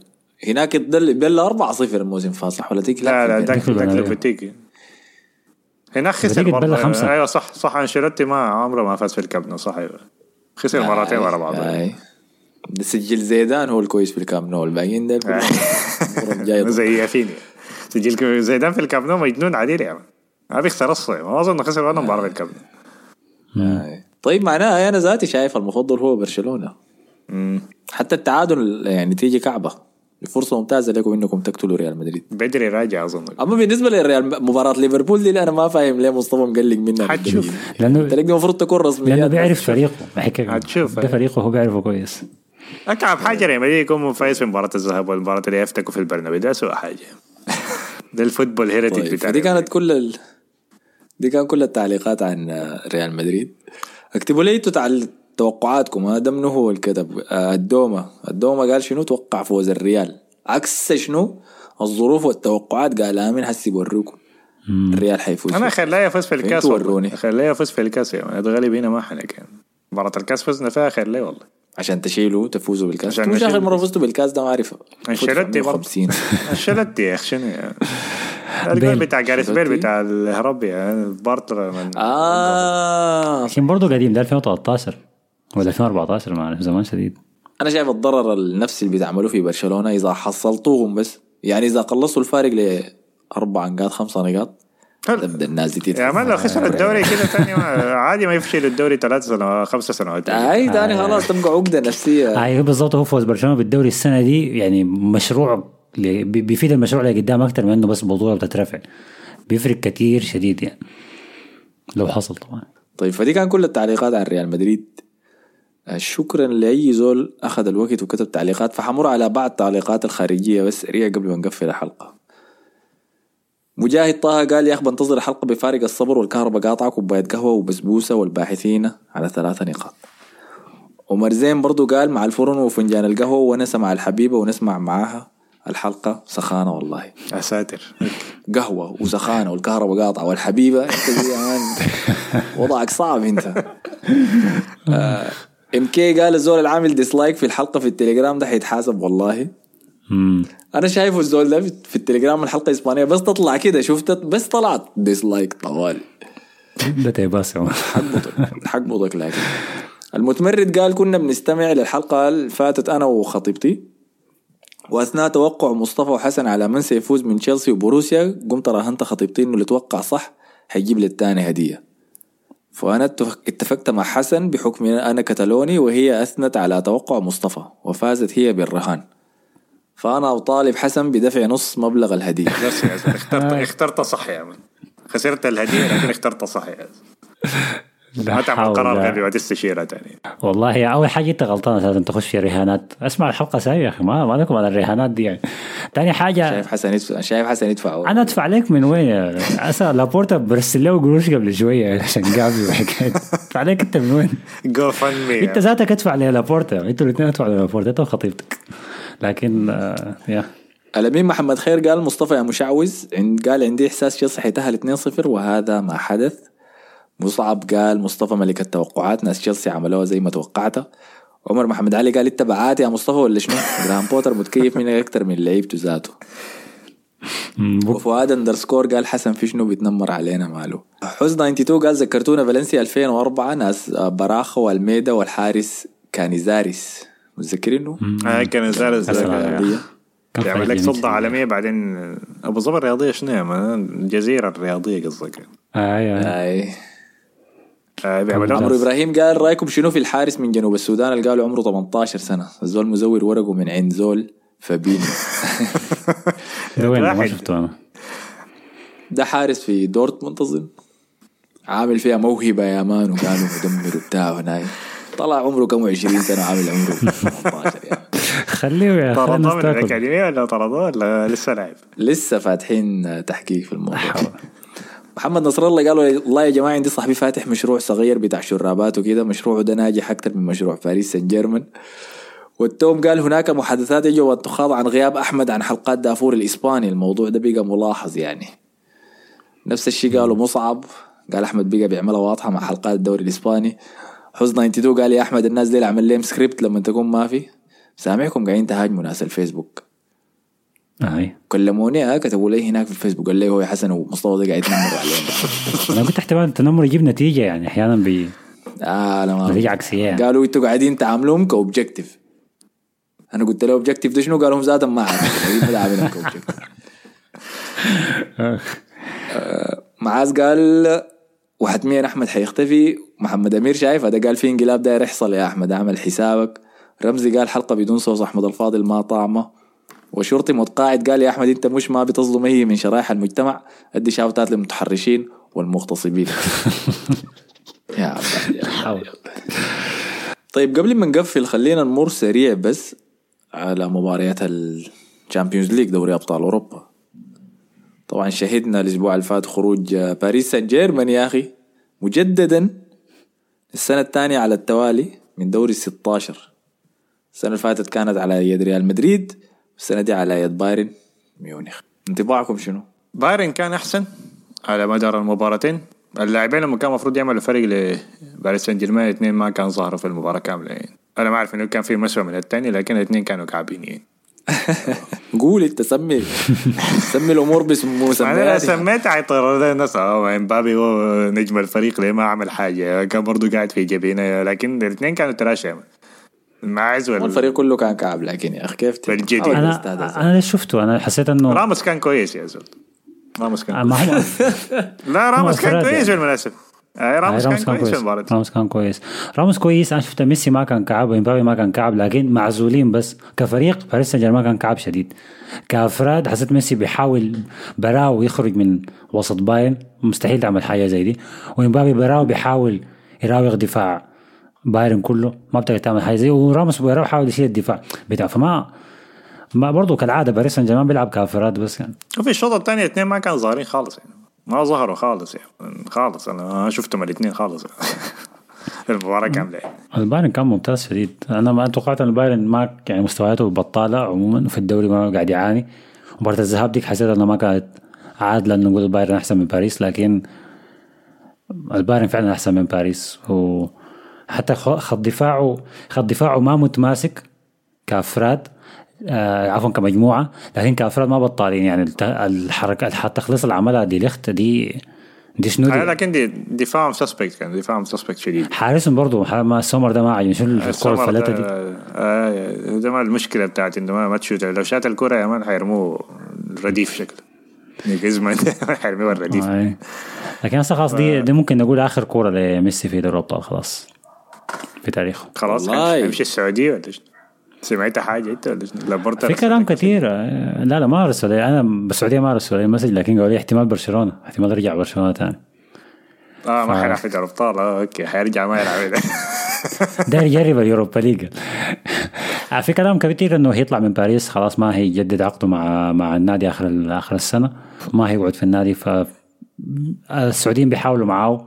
أمريكا إنتر ميامي بيحاول معاه النادي اللي كان طلع منه Newell's Old Boys أعتقد في الارجنتين برضه بيحاول معاه لكن أنا أعتقد لو هو هيكون هيقعد جوا أوروبا ويمشي برشلونة حتة بيعرفها يعني. ويكون لاعب احتياطي كده يلعب ويخش وقت ما هو عايز يعني. أنا عارف ناس برشلونة عاوزين حاجة لكن دي أنا شايفها غلطة. شايفها غلطة خلاص يعني. زي حنك ترجع لل exes خلاص امشي تستمر نمشي قدام خلاص. آه لكن ex أنت معك معك 17 سنة. عيال واسره وأسرة يعني. عرس عديل ده يا مان. آه يعني أنا شايف إنه يعني هو الكلام الغريب سيبك من إنه هيفيد برشلونه ولا لا أنا أعتقد ممكن يتصرفوا معه يعني يكون لاعب احتياطي ما ضروري لاعب أساسي ما تقدر تعتمد عليه ما حيكون ده احتياط لا لا ما ميسي ما حيكون احتياط هيكون احتياط هيكون ما احتياط ما حيكون. صح ما صح. أصلا ما. صح ميسي يكون احتياط في برشلونة ما صح ما حلو ما دايرين نشوفه ما داير أشوف آه، أنا داير أنا ما فاهم اشوفها ولا لا لكن ما ما شايف ميسي قاعد في ال bench وديمبلي بادي ما داير أشوف هذه يعني ما داير أشوف المنظر ده. لا أنا أعتقد إنه ممكن يرجع يعمل احتياط لكن أنا شايف هو قرار منطقي له هو كميسي وأسرته وما عارف شو متعود على البيئة ديك شايفه ما تأقلموا في باريس خالص يعني. فبرشلونة ممكن يرجعوا بس من الباب ده. آه دارين يصلحوا العلاقات اللي بينه وبين لابورتا بعد اللي حصل السنة اللي فاتت برضو دي ده هدف تاني يعني. لكن الاكيد ما فيه كلام إنه يطلع من باريس ما هيقعد مع باريس. ما عنده شيء يقعد يسويه يعني. لو ميسي مرق من باريس خلاص كده دي النهاية بتاعت ميسي في كرة القدم الأوروبية. أنا ما شايفه حيرجع برشلونة طالما لابورتا الرئيس ما ما في. الموضوع ده منتهي. بالنسبة لي يعني آه ليونيل ميسي لما مرق من برشلونة مرق بكى في المؤتمر الصحفي. وبعد أكيد اللي حصل معقول بعد يعني. ما مرق وأخبار ال ده خف ده قرر يخفض رواتبه وده قرر يخفض رواتبه وبعد ده كل القصص اللي مرقت وانكشفت إنه كيف بيكي كان متحكم بغرفة تبديل الملابس وكان بيعمل هو اتفاقات مع الإدارة لقضايا مالية عديل كده وبيكي اتضحت شخصيته الحقيقية إنه إنسان ما عنده ما عنده أي حاجة لأي زول يا مان فهمتني بيكي يمثل بيكي بس لأي القائد زول. والمكنة اللي كان مركبة آه. ديك ما ما فيها مان أولاده بيبيعهم يعني. أي ف عمل. فتاكدت إنه شنو؟ يعني ما في مجال عودة لليونيل ميسي. لو مش الدوري الأمريكي طبعا الكلام الطالع إنه الع- العقود الجواب من أمريكا كلها بتديه نسبة ملكية للنادي اللي حيلعب فيه فإذا ميامي هو النادي اللي حيمشي يلعب فيه بيكم حيديه نسبة من النادي عديد كده. فده استثمار ممتاز لميسي. لكن لو هو عاوز ميسي؟ يعني هو ما داير قروش حسي. لا هو لو للمستقبل. القروش يا مان يمشي السعودية طوال. بالتأكيد هو متأكد جاي حيكون في عقد زي حق رونالدو دائما قاعد منتظره في السعودية. فده خيار تاني. لكن دي كل حياتي أنا ما داير أشوفها صراحة. أنا أتمنى إنه شنو؟ أنا بدي موسم زيادة واحد مع باريس. بعد ذاك أمشي أمريكا وخلاص. أنا أي شيء لباريس. أنا ميسي ده مما مشى مما ساب برشلونة مشى باريس. يمكن حضرت له كامله يعني مباراة كاملة ثلاث مباريات بس. أنا بطني بتطم وأنا بتابع في باريس ولا بحاول أتفاعل معاهم عشان أشوف بس ميسي بيلعب كويس. ما بقدر يعني. مع إنه مثلا الموسم ده قبل كأس العالم كان كويس شديد معاهم في الدوري. لحد هسه أعتقد أرقامه كمساهمات أهداف احصائيات كويسة يعني. آه، لكن أنا ما الفرنسي. أي لكن أنا الدوري الفرنسي وده باريس. فأنا أنا ما داير أشوفه مع باريس خالص. أنا فكرة انتقال ومرقته من برشلونة حارة والحاره منه إنه يمشي لباريس. إن شاء الله يمرق يعتزل. أحسن لي إنه يقعد مع باريس موسم كمان إضافي. هو ما مشكلة إنه الزول ده ما مشكلة إنه بس عجز الزول ده لكن الزول ده ما ما قاعد يلعب جدي. أنا شايفه بعد كاس العالم الزول ده ما قاعد يلعب جدي. والله هو جادي لكن ما ما شديد. أنا ما أنا ما, شايفه شديد. جدي. لا لا من المباريات حتى بتاع دوري الأبطال دي كلها أنا ما شايفه جدي. يعني okay زول كبير وخلاص لكن ده ما المشكلة هو style لعبه له فترة هو كده هادي في الملعب ما بيتحرك كثير هو أساسا كده يعني. مصطفى ده hater تعرف- بس يا مان ما ما ضروري. انت شنو يا ما أنت ما شفت الكورتين بتاع انت, ما شفت بتاعت الذهاب والاياب دي يا مان؟ يا خلاص شنو؟ أنا شفت باريس كله فريق كعب يا يا مصطفى. فريق فريق كله كان سيء. يعني حتى الأهداف اللي خشت فيهم كان فيراتي. فيراتي في المباراة الثانية دي كان فيراتي ده كان كعب. كان كعب وهو داير يمرق باريس من الأبطال. لا أنا حتى بقول لك طيب المباراة الأولى لما كان هو ونيمار قاعدين. يعني وباريس سان جيرمان تحرك أصلا لحد ما إمبابي خش. ما برضه دي طيب برضه حاجة يلا أنا أنا أقول لك أنا دايره يفضل في باريس ليه؟ بس لأنه حقدر اشوفه يمشي يواجه خصوم أوروبيين يعني. يمشي يواجههم ويتهزم. ما هيعمل اي شيء يمشي يواجههم. شديد ذاته يا. أنا ال hater؟ دايرين نصطاد. إحنا يا مان كده شوية. بس حاطط أحمد- ذاته. أحمد عاوز يقعد في باريس عشان يلعب ضد أرسنال يا عشان يسد فيه يا بس أيوه. الأربعة ديك ها، الأربعة بتاعت بالتأكيد. شوط مصر أربعة وخمسة. و... لا لكن شنو حيكون برضه في لحظات سحر كده في مباريات المجموعات. حيسوي حاجات بتاعت ميسي كده ويمكن يجيب الرقم بتاع رونالدو الأسطوري. يعني طيب خد ده على جنب. أما بالنسبة ل هل أنا داير يقعد في باريس عشان باريس سان جيرمان؟ في, في التأكيد لا. تاكيد لا. يعني أنا ما شفت في حياتي فريق فاقد الشغف. مركب مستثمر فيه بكميات مالية قدر دي وبعد ده كله مجغمس للدرجة دي. يعني ما فيه أي بنية ما فيه أي شكل. ما في انسجام ما في تناغم قرارات من أسوأ ما يكون. يكون عندك تياغو سيلفا. الآن في رأيي هو أحسن مدافعين جيله ده عديل كده زول لعب مع ناس مالديني وديل في إي سي ميلان. النخبة النخبة في العالم. ولحد هسه بعمري 39 سنة أنا شايفه أحسن مدافع في الدوري الإنجليزي. عندك ليو آه كان جزء من ال- الجيل بتاع ناس كافاني ولافيتزي وتياغو موتا وديل فحجر أساس يعني في غرفة تبديل الملابس. وصل عمره 37 سنة تخليه يمرق مجانا. كويس؟ ما تجدد له عقده. ولا تديه عقد مثلا سنة يا مان شنو عندي مدافعين شباب انت تدخل حرقاو دي طبعا لحد. هسه مزعلاه شديد خارجوا كويس؟ 37 سنة خارجوا آه تياغو سيلفا مشى باريس سان جيرمان فاز بال Champions League مع تشيلسي. ممتاز؟ تقوم أنت يا باريس سان جيرمان تعمل شنو؟ آه خسرنا مدافع تياغو سيلفا يا كان قائد في غرفة تبديل الملابس خلينا نعمل شنو؟ نمشي نجيب واحد تاني عمره 37 سنة في سيرجيو راموس يا مان ندخله مكانه ما في أنت قاعد تعمل شنو؟ أنت قاعد تعمل شنو؟ بالوقت الثاني تجي مواهب عالمية في الدوري الفرنسي يا مان لعيبة من الأحسن في العالم يجيك أحسن ارتكاز في الجيل الجديد ده تشوميني مفروض الأولوية تكون لمنو؟ لما يجي لاعب فرنسي في الدوري الفرنسي منو النادي المفروض يجيبه؟ باريس. باريس سان جيرمان يقوم يجي الريال يشيله من بيتك يا مان. خلاص ما حنك ده واحد منهم. يجي موهبة تانية يا مان. أحسن لاعب وسط في جيله. كامافينجا. مبدع ويقدم أحسن أداء في مسيرته ضدك أنت ذاتك في باريس سان جيرمان في الدوري الفرنسي. المفروض أنت تشتريه يجي الريال من إسبانيا دقيقة يا الدوري كان ما الفرنسي فيه يا. فخمة. آه لا ما كان ما مركز. كان قاعد يجدد لإمبابي. أول ما إمبابي قال هناك بيريز طوالي ضرب ليل قال له حتى حتى كما في دي, نفس دي اليوم. قصة ثانية. دي قصة ثانية. برناردو سيلفا مشى لمانشستر سيتي من وين؟ من موناكو. الدوري الفرنسي. برضه، أواصل أنا لكن أمر؟ ذاك- مجرم يا مان كويس بس. ولا نتكلم عن المدافعين الفرنسيين نتكلم عن كوناتي نتكلم عن بيدي- بيدياشيلي نتكلم عن سليبا. كل الناس كوندي. وانت قاعد تعمل شنو؟ ده دوريك انت ده. ده لأولادك انت. فده كويس ده جزء ميسي وجزء باريس سان أنا سخنت حسي وأنا ما أقدر أسخن أصلا. خلينا نتكلم عن إمبابي. امبابي لما يطلع بعد بعد آه، الخروج؟ قالوا نحن نرجع لبيتنا العادية لحياتنا العادية الدوري الفرنسي. سألوه قالوا له شنو سبب الخسارة دي في رأيك؟ قال لهم إحنا شفنا الليلة فريقين لاعبين ضد بعض واحد من الفرق ديل مبني عشان يفوز بدوري أبطال أوروبا. بيتكلم عن بايرن ميونخ. قام إحنا بالنسبة لنا ده أحسن مستوى لنا بس إنه ننافس على المستوى ده. فحسي نرجع لبيتنا الدوري الفرنسي نمشي نلعب هناك. قبل المباراة لما سألت قال أنا لو همي يفوز بدوري أبطال كنت طلعت من النادي ده من زمانك أها. ده رئيس المشروع بتاعك؟ ده المتحكم في كل الصفقات بتاعتك. ده اتضرب لتشوميني عشان يقنع إنه يقعد يجي باريس سان جيرمان يلا وده ما إحساس إمبابي الحقيقي. إمبابي بكلامه ده قاعد يجدع نغزات للإدارة بتاعت باريس سان جيرمان ذاتها. إحنا عارفين إنه إمبابي في ناس معينين في الفريق ده هم ما دايرهم. ما هو كل عنك كده يا نيمار. أحمد ما هو كل يا كده يا. أحمد يا. كل سنة كده. السنة اللي فاتت طلع من طلع بوتشيتينو طلع ليوناردو. السنة دي اسمه شنو؟ المدير الرياضي بتاعهم ده. كومبو كامبوس؟ ده آه ده برضه كان هيجي ريال مدريد شالوه منه يعني. برضه مش شاكل معه فهو شنو يعني؟ كويس. سنة يغير. يعني. الحنك وين؟ الشيء الوحيد الصح سواه باريس سان جيرمان إنه اشترى من موناكو كيليان امبابي. ده الشيء الوحيد الشيء الوحيد الصح سواه. كويس.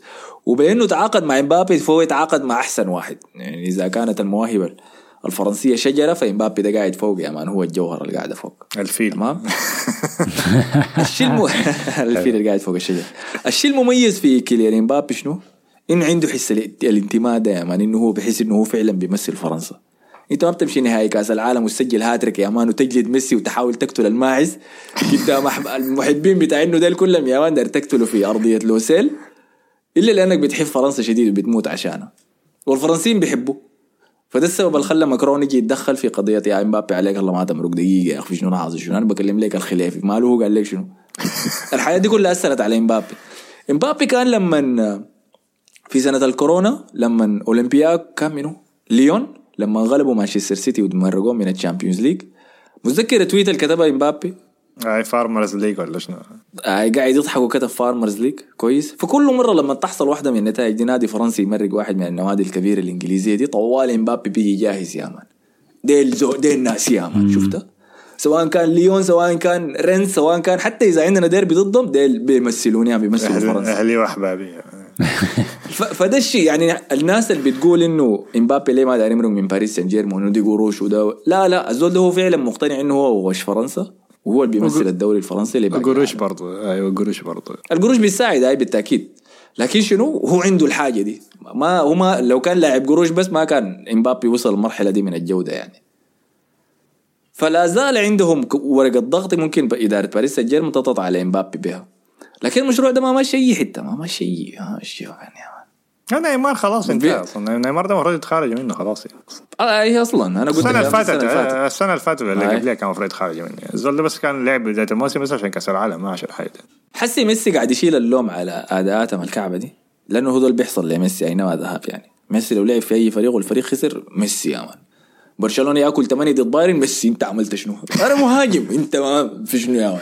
ليه تخسروا 8 فده هو الحاصل. لو إحنا شفنا في الأرجنتين إنه ميسي لما يتخطى وسط فريق متوازن متوازن بس يكون دفاعيا كويس هجوميا لا بأس به ميسي بيخليه فريق خارق.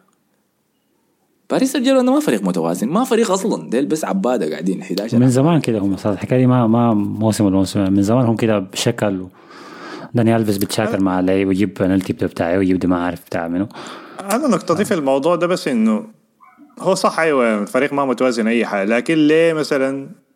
وده ما على رونالدو يعني. لكن ليه مثلا رونالدو لما يكون في موضوع مانشستر يونايتد ده وال system ما ينفع معه؟ ليه الناس بتنتقم؟ ده نفس الكلام بتاعه. ما داك برضه عمره 37 سنة وخلاص انتهى يعني. فليه يعني الموازنة دي يعني؟ ليه يعني لما يتكلم ميسي لا لا يا زول كيف؟ ليه الناس بتحمي ختم ميسي وما بتحمي رونالدو؟ آه ليه ما ختم كرة القدم؟ خلاص يا زول. ما تتكلم فيه تاني يعني. كأنه خلاص يا هسه الحتة دي ما محسوبة. بعد كأس العالم أديك. الفرق شنو؟ أديك الفرق شنو؟ هو فرق الشخصية ده هو الفرق إنه ما بيتكلم رونالدو بيطلع يعني. وبيقول أي رونالدو بيطلع وبيقول أنا مفروض أكون الرجل الرئيسي أنا مفروض أكون أساسي أنا مفروض ما أتبدل أنا مش أعمل مقابلة مع ده أنا أقول أنا أعمل ما أعرف like لل post ده في الإنستغرام بتاع ميسي ما بيعمل يجي ميسي بيقعد ساكت بس يعني أنا كنت داير أتكلم عن الموضوع ده لقدام فبوفرها لكن للحلقة الجاية لأنه خلاص حس الوقت خلص بتاعنا. اللي هو ده نفس السبب اللي الموسم اللي فات الناس كلها كانت مقدرة فينيسيوس والموسم ده ما في زول شغال به. بيجيبوا لكن يروح. حوفرها. حخليها. آي آي حخليها لوقت تاني. في أي شيء تاني دايرين نهبش عليه؟ آه، أشرف حكيمي قالوا عمل شنو؟ أشرف حكيمي عمل شنو في حاجة ما عملها هو. يا الغ- المضحك في الموضوع ده. هو طبعا اتهموه أظنه خلاص قدموا له اسمه شنو الاتهام خلاص يعني في موضوع إنه عارف كان تحرش ولا. كان اغتصاب عادي؟ اغتصاب عادي. يعني. فلما طلع الكلام ده عشان تعرف الصحوبية man bros before hoes man طوالي إمبابي قال طلع كلام إن إمبابي حيعتزل من المنتخب الفرنسي. فالناس فسروها شنو يا man ده عشان يضغط على الحكومة إنه تسقط الدعاوى على أشرف حكيمي. مم. والله فأنت مكانه بتعمل حركة زي دي. لو صاحبك يا مان. والله راجل لأنه لأنه حاجة ما حصلت بس باختصار يعني عشان كده وقف معاه آه، ما كثرت الفترة اللي فاتت دي موضوع القضايا المرفوعة على اللعيبة دي كثرت شديد ذاته. بعدين أشرف حكيمي ما أعرف يعني طبعا بنحكم على حاجة بنشوفها يعني انه ما ما بيبان عليه لاعب يعني مثلا بيلعب بديله ولا زي مثلا أسمندي ولا ما عنده الشخصية دي الشخصية الفالتة دي عشان تقول والله الحاجة دي ممكن تسبك عليه. وانت عرفك شنو ما أنا بقول لك انت أنت في النهاية بتحكم بالحاجة بتشوفها صح ولا لا؟ في النهاية ممكن هو يكون بغش فينا عادي يعني ممكن. لكن ال- ال context الكبير ولا السياق العام إنه في في ناس كتار بيحاولوا يستغلوا اللعيبة المشاهير ديل انه بيرفعوا عليهم قضايا زي دي ما عشان يشوهوا سمعة اللاعب لا لا عشان يطلعوا بقروش بس. بس. هو كلامك صح أيوه. لكن أنا شايف بالفلوس الكثيره واللاعبين والف- والفلوس الكثيره اللي عندهم دي وال social media دي والح... يعني أنا شايف زمانك أو حسي يعني في حاجات مستخبية كثيره نحن ما عارفينها. خاصة زمان قبل ما ال social media يعني اللاعبين ده كان بيعمل حاجات كده مجنونة عديل أنا متأكد على الحاجة دي يعني. لكن الحاجات دي. ممكن ما بتظهر يعني أو بيخبوها كويس يعني. يعني حسي ووكر نفسه حيطلع برضه. okay، لا. دقيقة سؤال هو ليه كل الأظهرة في العالم عندها قضايا تحرش؟ ليش اللي حاصل؟ لازم يعني؟ تكون داني. ألفيس لا، أشرف لازم تكون- حكيمي بنجامان مندي لازم تكون ووكر. الحقيقة بيحبها جوارديولا ذاته لا أنا أنا شايف إنه هنرجع نفس القضية اللي تكلمت فيها قبل كده زمان كثير يعني نفس سيره جرينوود مع انه ذاك مثبت عليه يعني شوية أنه بس في في استغلال بيحصل للمشاهير في في الحاجات دي في بي- بيستغلوهم أكثر ما مع بيتضرر في الحكاية من الحكاية دي كلها هم ال- الضحايا الجد لل- للجرائم دي. هم بعدك ما بيزول بيسمع كلامهم تاني ما بيزول بصدقهم لأنه في ناس كثيره بتكذب. جرينوود حيبقى اب يا أخي بالمناسبة. عشان مبروك امم حبشنا إحنا كان على الموضوع ده؟ لا لا ذاك اللي رجعوا. لبعض ذاك اللي رجعوا بعض لكن حيبقى لا لا ما. واحد قال باركوا لميسون ال- المولود. قمنا بعد ذاك عرفنا إنه الموضوع ده حاصل فيه. أما بالنسبة لي في موضوع آه، أشرف حكيمي ده أنا والله ما اعرف تفاصيل القضية و يعني ما ما, ما عندي اهتمام بالموضوع ما أعرف الحاصل شنو. نصبر نشوف مع الوقت بس اللي حيطلع شنو. لكن ما حقول إنه شنو شكله زول ما بيعمل حاجة زي دي ولا حقول إنه شكله زول بيعمل الحاجة دي فهمتني؟ أنا ما عندي لكن أنت ما لو أنت. لو عندك أنت لو عندك نفوذ بتعمل العمل اللي حيعمله امبابي ده أو الإشاعات دي. أنا بسويه الخارجية اللي هنا يعني. ولكن أنا بسويها. أشرف حكيمي بيلعب للمغرب لا إنه حي... عشان. يضغط لا عشان يضغط على الحكومة هو الاتهامات في فرنسا الآن أنا شايف دي, دي يعني شايف اشاعه. مستحيل آه، تكون. حاجة زي دي حقيقة هاي تكون كلام أتمنى جرايد أنا هحترم امبابي شديد لو كان هو عمله هحترمه لابعد درجه لو وقف مع صاحبه يعني هو أصحاب شديد والله يا أخي. آه. فعلا أصحاب شديد. وقف مع صاحبه وكده وعارف وقف مع صاحبه لسبب يعني ما وقف ساكت لو صاحبه جاب العيد ما يقف معه ببيعه طيب في أي نقطة ثانية المفروض نافج عليها؟ والله خلاص. خلص خلصت القضايا تمام، التحرش حق. الأسبوع ده. نشوف الأسبوع الجاي في شنو. فدي كانت كل شيء فيما يتعلق بكرات ال Champions League. طيب على النقطة دي شكرا لكم على حسن استماعكم. شكرا لك يا مصطفى وحسن. شكرا. لكم. نشوفكم في حلقة الأسبوع الجاي من دافور الإسباني. السلام عليكم.